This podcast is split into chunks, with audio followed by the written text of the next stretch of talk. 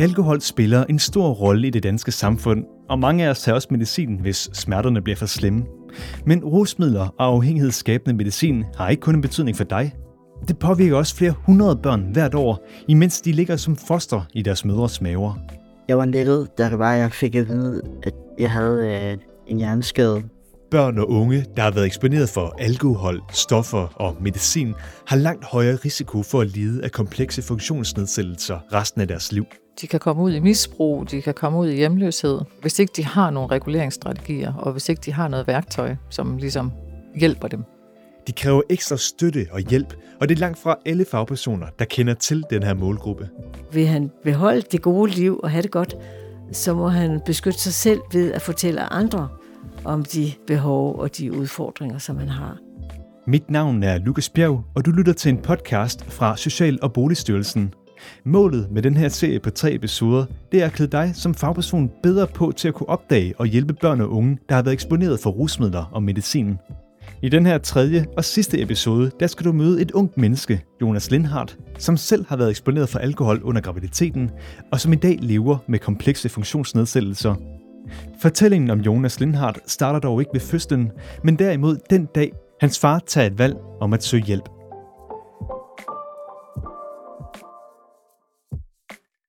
Jeg møder ham, fordi hans far ringer til mig og er øh, ulykkelig. Og han har fundet mig på nettet og, og mit navn i forbindelse med alkoholskader. Og han har jo en mistanke om, at Jonas er skadet, og han ved ikke simpelthen, hvordan han skal få hjælp til sin dreng. Inger Thormand er en af de personer på området, der ved allermest om børn og unge, som har været eksponeret for rusmidler. Hun er psykolog og har tilbragt langt det meste af sit arbejdsliv på det, der engang hed Skodsborg Observations- og Behandlingshjem.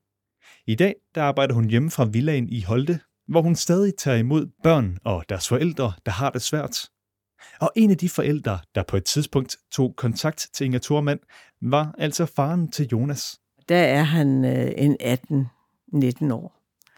Og han fortæller jo om, hvad han har været igennem, og det fortæller Jonas jo også selv, og at han har haft så mange nederlag. Og, og faren lider altså sammen med Jonas, fordi Jonas bliver skubbet ud alle steder. Jonas bor på det her tidspunkt på et bosted på Østerbro, men her der får han ikke den hjælp, han rent faktisk har brug for. De ryger, så ja, han kan næsten ikke se ham gennem togen, og er meget, meget bekymret, og han ved ikke, hvor han skal få hjælp. Og så er det, at, at jeg foreslår, efter at have talt længe med ham og flere gange, så foreslår jeg, at han skal udredes, altså neuropsykologisk. Og det tager så meget lang tid, og det er svært, men det ender jo med, at han bliver det. På Bispebjerg Hospital bliver Jonas set af en privatpraktiserende neuropsykolog, som fortæller ham, at han er hjerneskadet. Det er svært at sige, hvor hjerneskaden præcist kommer fra, men Jonas far har dog en klar formodning. Moren har nemlig drukket under graviditeten. Han er jo blevet ved med at holde den kone, selvom de blev skilt og haft svært ved at bringe det på bane. Og det er jo netop det, der også i forbindelse med det her er specielt en mor. Den mor, som har båret barnet, føler sig jo selvfølgelig skyldig, når man kommer frem, og man ser, og det bliver afsløret, at barnet har medfødt alkoholskade. Så skal vi altid tænke på, at der er en mor, der har haft et svært liv, og på en eller anden måde jo selvfølgelig ikke drukket for at skade sit barn, men drukket for at få en smerte til at gå væk. På trods af, at det umiddelbart lyder som en hård nyhed at få at vide, altså at man er hjerneskadet, og at det formentlig skyldes alkohol under graviditeten, ja, så blev Jonas faktisk lettet over den her udredning.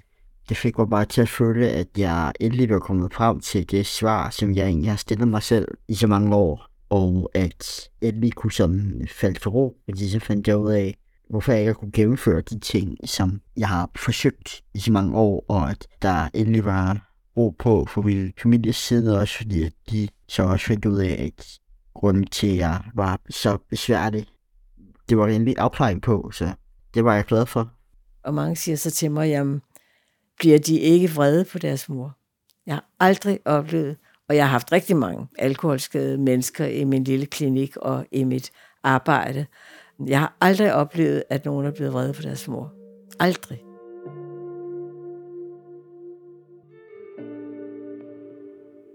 De vanskeligheder, som de får af den her rusmiddeleksponering, det er noget, der bliver ved med at følge dem hele deres liv. Så når de vokser op, omverdenen møder dem jo også med større og flere krav efterhånden, som de bliver ældre. Helle Randløv er fuldmægtig ved Social- og Boligstyrelsen, og hun har været projektleder på det arbejde, der er lavet med forløbsbeskrivelsen om børn og unge, som har været eksponeret for rusmidler og medicin. En af de helt store problemer i dag er, at mange inden for den her målgruppe bliver sluppet for tidligt. Ja, de har i virkeligheden brug for hjælp og støtte hele livet igennem. De her eksekutive funktioner, altså vores kaptajnfunktion, det er det her med evnen til at planlægge, organisere, styre sine impulser, regulere sig selv, være fleksibel og kunne skifte fokus og kunne have en strategi for noget. Det er kaptajnfunktionen. Og de her børn, de lever ind i at have det her kaos med sig, og ikke ligesom kan skabe den organisering, skabe struktur selv. Så de vil stadig have brug for at have ligesom et stillads, de kan bygge deres hverdag op omkring, og have brug for hjælp til at få skabt den her struktur. Social- og Boligstyrelsen har netop udgivet en forløbsbeskrivelse, der kommer med anbefalinger til, hvordan fagpersoner i højere grad kan hjælpe børn og unge, ligesom Jonas. For hvis de ikke også får støtte i voksenlivet, ja, så kan det have store konsekvenser. Hvis ikke de er blevet mødt, og hvis ikke den her problematik er blevet forstået, så risikerer man, at de får nogle ret uhensigtsmæssige strategier. For eksempel selvmedicinering. Eller de isolerer sig. Altså den her sanse bombardement, de oplever at være i, den kan de godt selv finde nogle måder måske at overkomme, men det er ikke nødvendigvis nogle særlig hensigtsmæssige måder. Og netop det med at blive stimuleret på sanserne, er det noget, som psykolog Inger Thormand sagtens kan se gør sig gældende ved Jonas. Han er meget sansesart. Han kan ikke tåle høje lyde, og han kan ikke tåle, at der er mange mennesker. Og det er jo lige nøjagtigt der, hvor ungdommen er i dag. Det er jo med høje lyde og mange mennesker. Hygger sig til koncerter, til bare hygge og ikke? For, og så videre. På en café. Der er musik alle steder. Høje lyde. Ikke? Men han kan ikke tåle det, og derfor undgår han det. Og kunne ikke finde på at gå ind i et supermarked med, med musik, for eksempel. Vel? Det er ubehageligt at være sådan ude blandt andre i for lang tid. For eksempel i store steder, hvor der er mange mennesker og meget støj det kan være ubehageligt. Øh, jeg føler nogle gange, at mit hoved bare øh, kan eksplodere nogle gange. Og så øh, lukker jeg fuldstændig ned. Jeg har ikke ligesom svar på de ting, der bliver stillet mig, og jeg har ikke ligesom fundet ud af, hvor jeg er. Så føler jeg mig, at jeg ikke trækker vejret, og jeg bliver enormt øh, bange også, og jeg ikke ved, hvad jeg skal gøre mig selv. Det, Jonas har brug for, det er at få brudt tabuet om sin tilstand. Ifølge psykolog Inger Thormand er det bedste, han kan gøre, det er at kende til sine egne begrænsninger, og så søge hjælp til at overkomme dem. Jonas, han, øh, han skal være i en lille gruppe, og han skal helst være ude og, og have et job ude, og, og så skal han have forskellige pauser i løbet af en dag. Og så skal han have de ting at vide, han skal gentages mange gange. Og man skal være sikker på, at han har forstået det, og stadigvæk er i den proces. Derfor bor Jonas i dag på et bosted ude på landet, hvor han lever sammen med andre børn og unge, der er ligesom ham. En af de helt store udfordringer for en ung person som Jonas, det er netop at komme ind i et fællesskab. Jamen, det er fantastisk, fordi øh, jeg vil sige, de fleste unge med medfødt alkoholskade er ensomme unge. Og de ved ikke, hvordan de skal skabe kontakt til andre.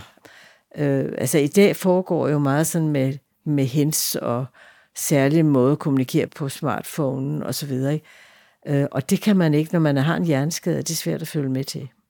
Øh, og man, man igen kommer til at trække sig, fordi der er noget, man ikke forstår. Og man har svært ved at finde ud af, hvad er reglerne i den gruppe, jeg nu er i.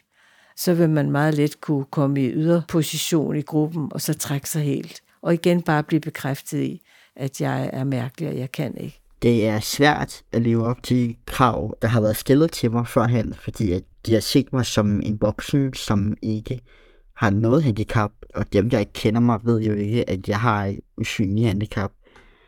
De kommer bare til at stille en, en hel masse høje krav, og så bliver jeg irriteret, frustreret.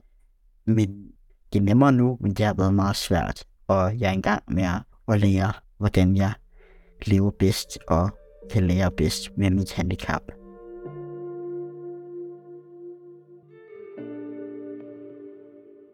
Børn og unge, der har været eksponeret for alkohol eller stoffer eller afhængighedsskabende medicin under graviditeten, kan ofte have svært ved at opbygge meningsfyldte fællesskaber.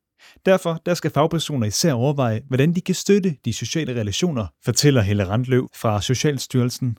Den ene ting kan være, at man får lov at være i et fællesskab med nogen, der har det ligesom en selv. Altså at man kan danne sådan nogle, det vi kalder peer-fællesskaber. Altså nogen, der ligesom også har været udsat for andre at få rusmiddeleksponering. Og så, så er det vigtigt, at de voksne, der er rundt om dem, hjælper dem med de her sociale relationer. Altså bakker op og er opmærksom. Og det handler jo også mange gange om, at hvis du skal være sammen med nogen, der har nogle andre forudsætninger end dig, at bare det, at du ved det, hvordan er det, jeg har det? Hvad er det for nogle vanskeligheder, jeg har? Og hvordan kan dem, jeg er sammen med, hjælpe mig med at have det bedst muligt? Ikke?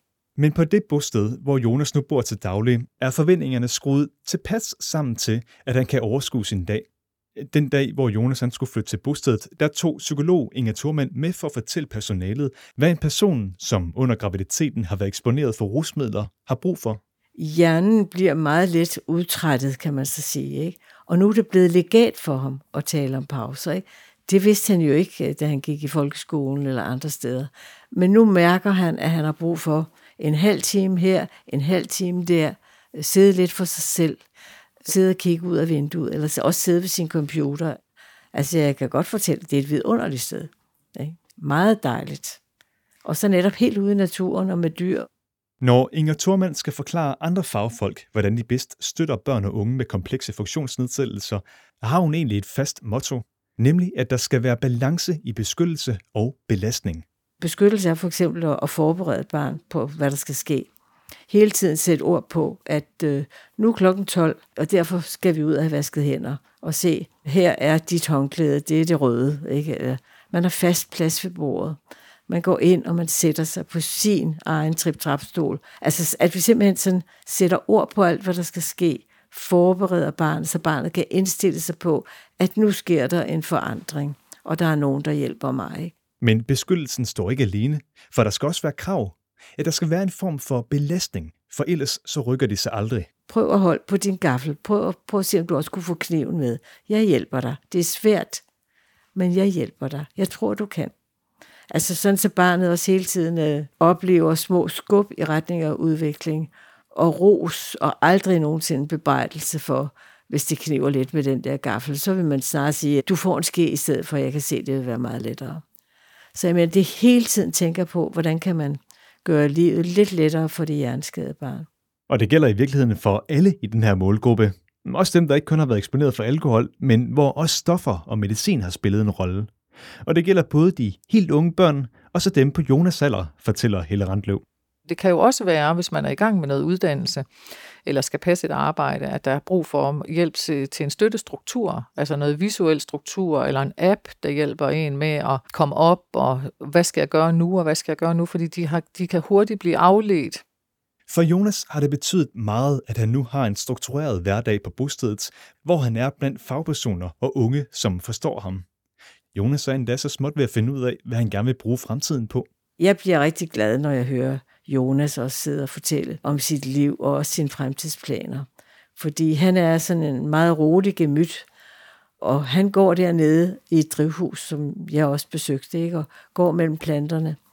Og udenfor løber, jeg ved ikke hvor mange heste, som man også kan jo have med at gøre. Øh, og han taler om landbrug og det at være ude i naturen. Det er rart at bo der, hvor jeg bor lige nu, fordi jeg er glad, og jeg har en god base. Jeg, øh, jeg bor rigtig godt, jeg bor sammen med nogle fede mennesker, og jeg lærer en hel masse gode ting, øh, som at lave mad og være sammen med, med andre. Jeg lærer at være åben og kreativ, og altså de gode ting, som der får en til at, at stå op øh, og blive glad for mennesker.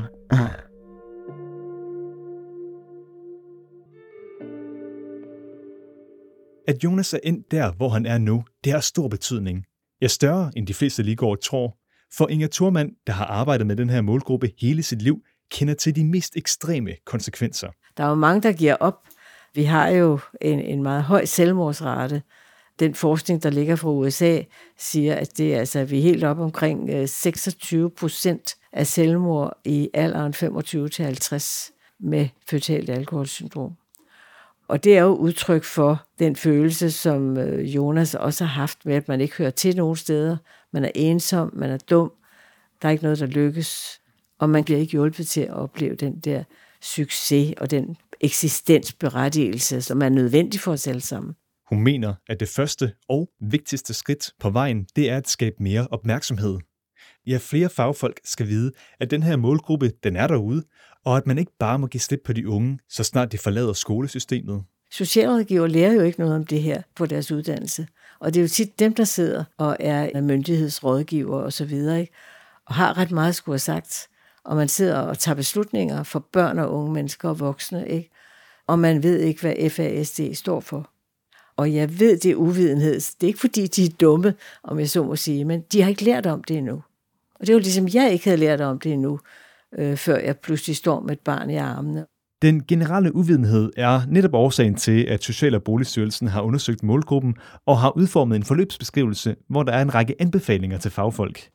En af dem, det er anbefalingen om tværfaglig og tværsektoriel koordinering. Der er brug for, at man samarbejder om at lave det gode forløb. Altså kan man sige, sådan så man altså ligger en god vej for det her barn, i stedet for at man enten ikke vil hjælpe dem, eller skubber dem over i nogle andre spor. Så vi, vi, vi anbefaler, at man i kommunerne har et styrket vidensberedskab omkring børn, der har det svært generelt, og særligt jo her med det her fokus på børn, der har været rusmiddelskadet, at man ved, hvem man ringer til, hvem er det, der kan hjælpe, hvor er det ligesom ekspertisen skal ligge henne, sådan så fagpersonerne ude på området ved, hvor de skal ringe hen.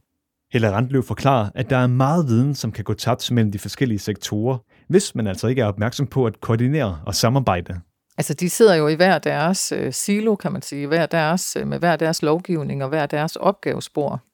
Og der kan jo være den her silotænkning eller kassetænkning. Der kan også være lidt sådan en tunnelsyn, hvor man er meget fokuseret på sin egen opgave. Og, og det der jo i virkeligheden, de her børn har brug for, og unge mennesker, de har jo brug for sådan et helhedsorienteret blik. Altså at man ligesom adresserer deres livssituation. Og ikke kun ligesom kigger og er optaget af deres sundhed, eller kun optaget af deres sociale udfordringer. Helle Randløv har dog set flere eksempler på, at det rent faktisk lykkes, at de unge de får den rette hjælp, og de kan fuldføre en uddannelse med den rette støtte, ja endda en Ph.D. Men det samme har psykolog Inger Thormand. Hun behøver ikke at kigge længere end til Jonas, der er godt i gang med sin grønne drømme. At han kan blive der, til han har afsluttet den der særlige tilrettelagte uddannelse, som er sådan lidt ude i landskabet. Altså han kalder det en grøn uddannelse, ikke? Han kan lære at, at plante buske, som han sagde, og så videre. Han lærer også at, at have med de maskiner at gøre, som, som man bruger i, i landbrug og til haver. Ikke? Øh, så han forbereder sig og bliver forberedt til, at han kan gå ud og få et lille, et lille arbejde, siger jeg. Og det er jo så få timer om dagen. Jeg drømmer om at arbejde med mine hænder og hernede på en gård. Det er fordi, det giver mig en vis ro, og jeg er glad for de mennesker, jeg arbejder sammen med, og jeg drømmer om øh, noget det større med, mit kørekort til traktor og kørekort til bil og sådan. Det drømmer jeg sådan om, og det, det er det store. Ja, så håber jeg bare, at det kan komme i mål. At jeg kan arbejde i det fag, jeg faktisk efter så mange år har fundet frem til, at det er det bedste, og det giver mig ro og glæde. At have været eksponeret for rusmidler eller medicin i løbet af graviditeten betyder ikke nødvendigvis, at ens drømme og ønsker for fremtiden ikke kan gå i opfyldelse. Hvis børn og unge med komplekse funktionsnedsættelser får den rette støtte hele livet igennem, ja, så kan livet byde på mange succesoplevelser. Det her det var tredje og sidste episode af den her serie, som er produceret af Kontekst og Lyd for Social- og Boligstyrelsen. Og hvis du er blevet nysgerrig og gerne vil vide mere, så kan du finde forløbsbeskrivelsen på styrelsens hjemmeside. Mit navn er Lukas Bjerg. Tak fordi du lyttede med.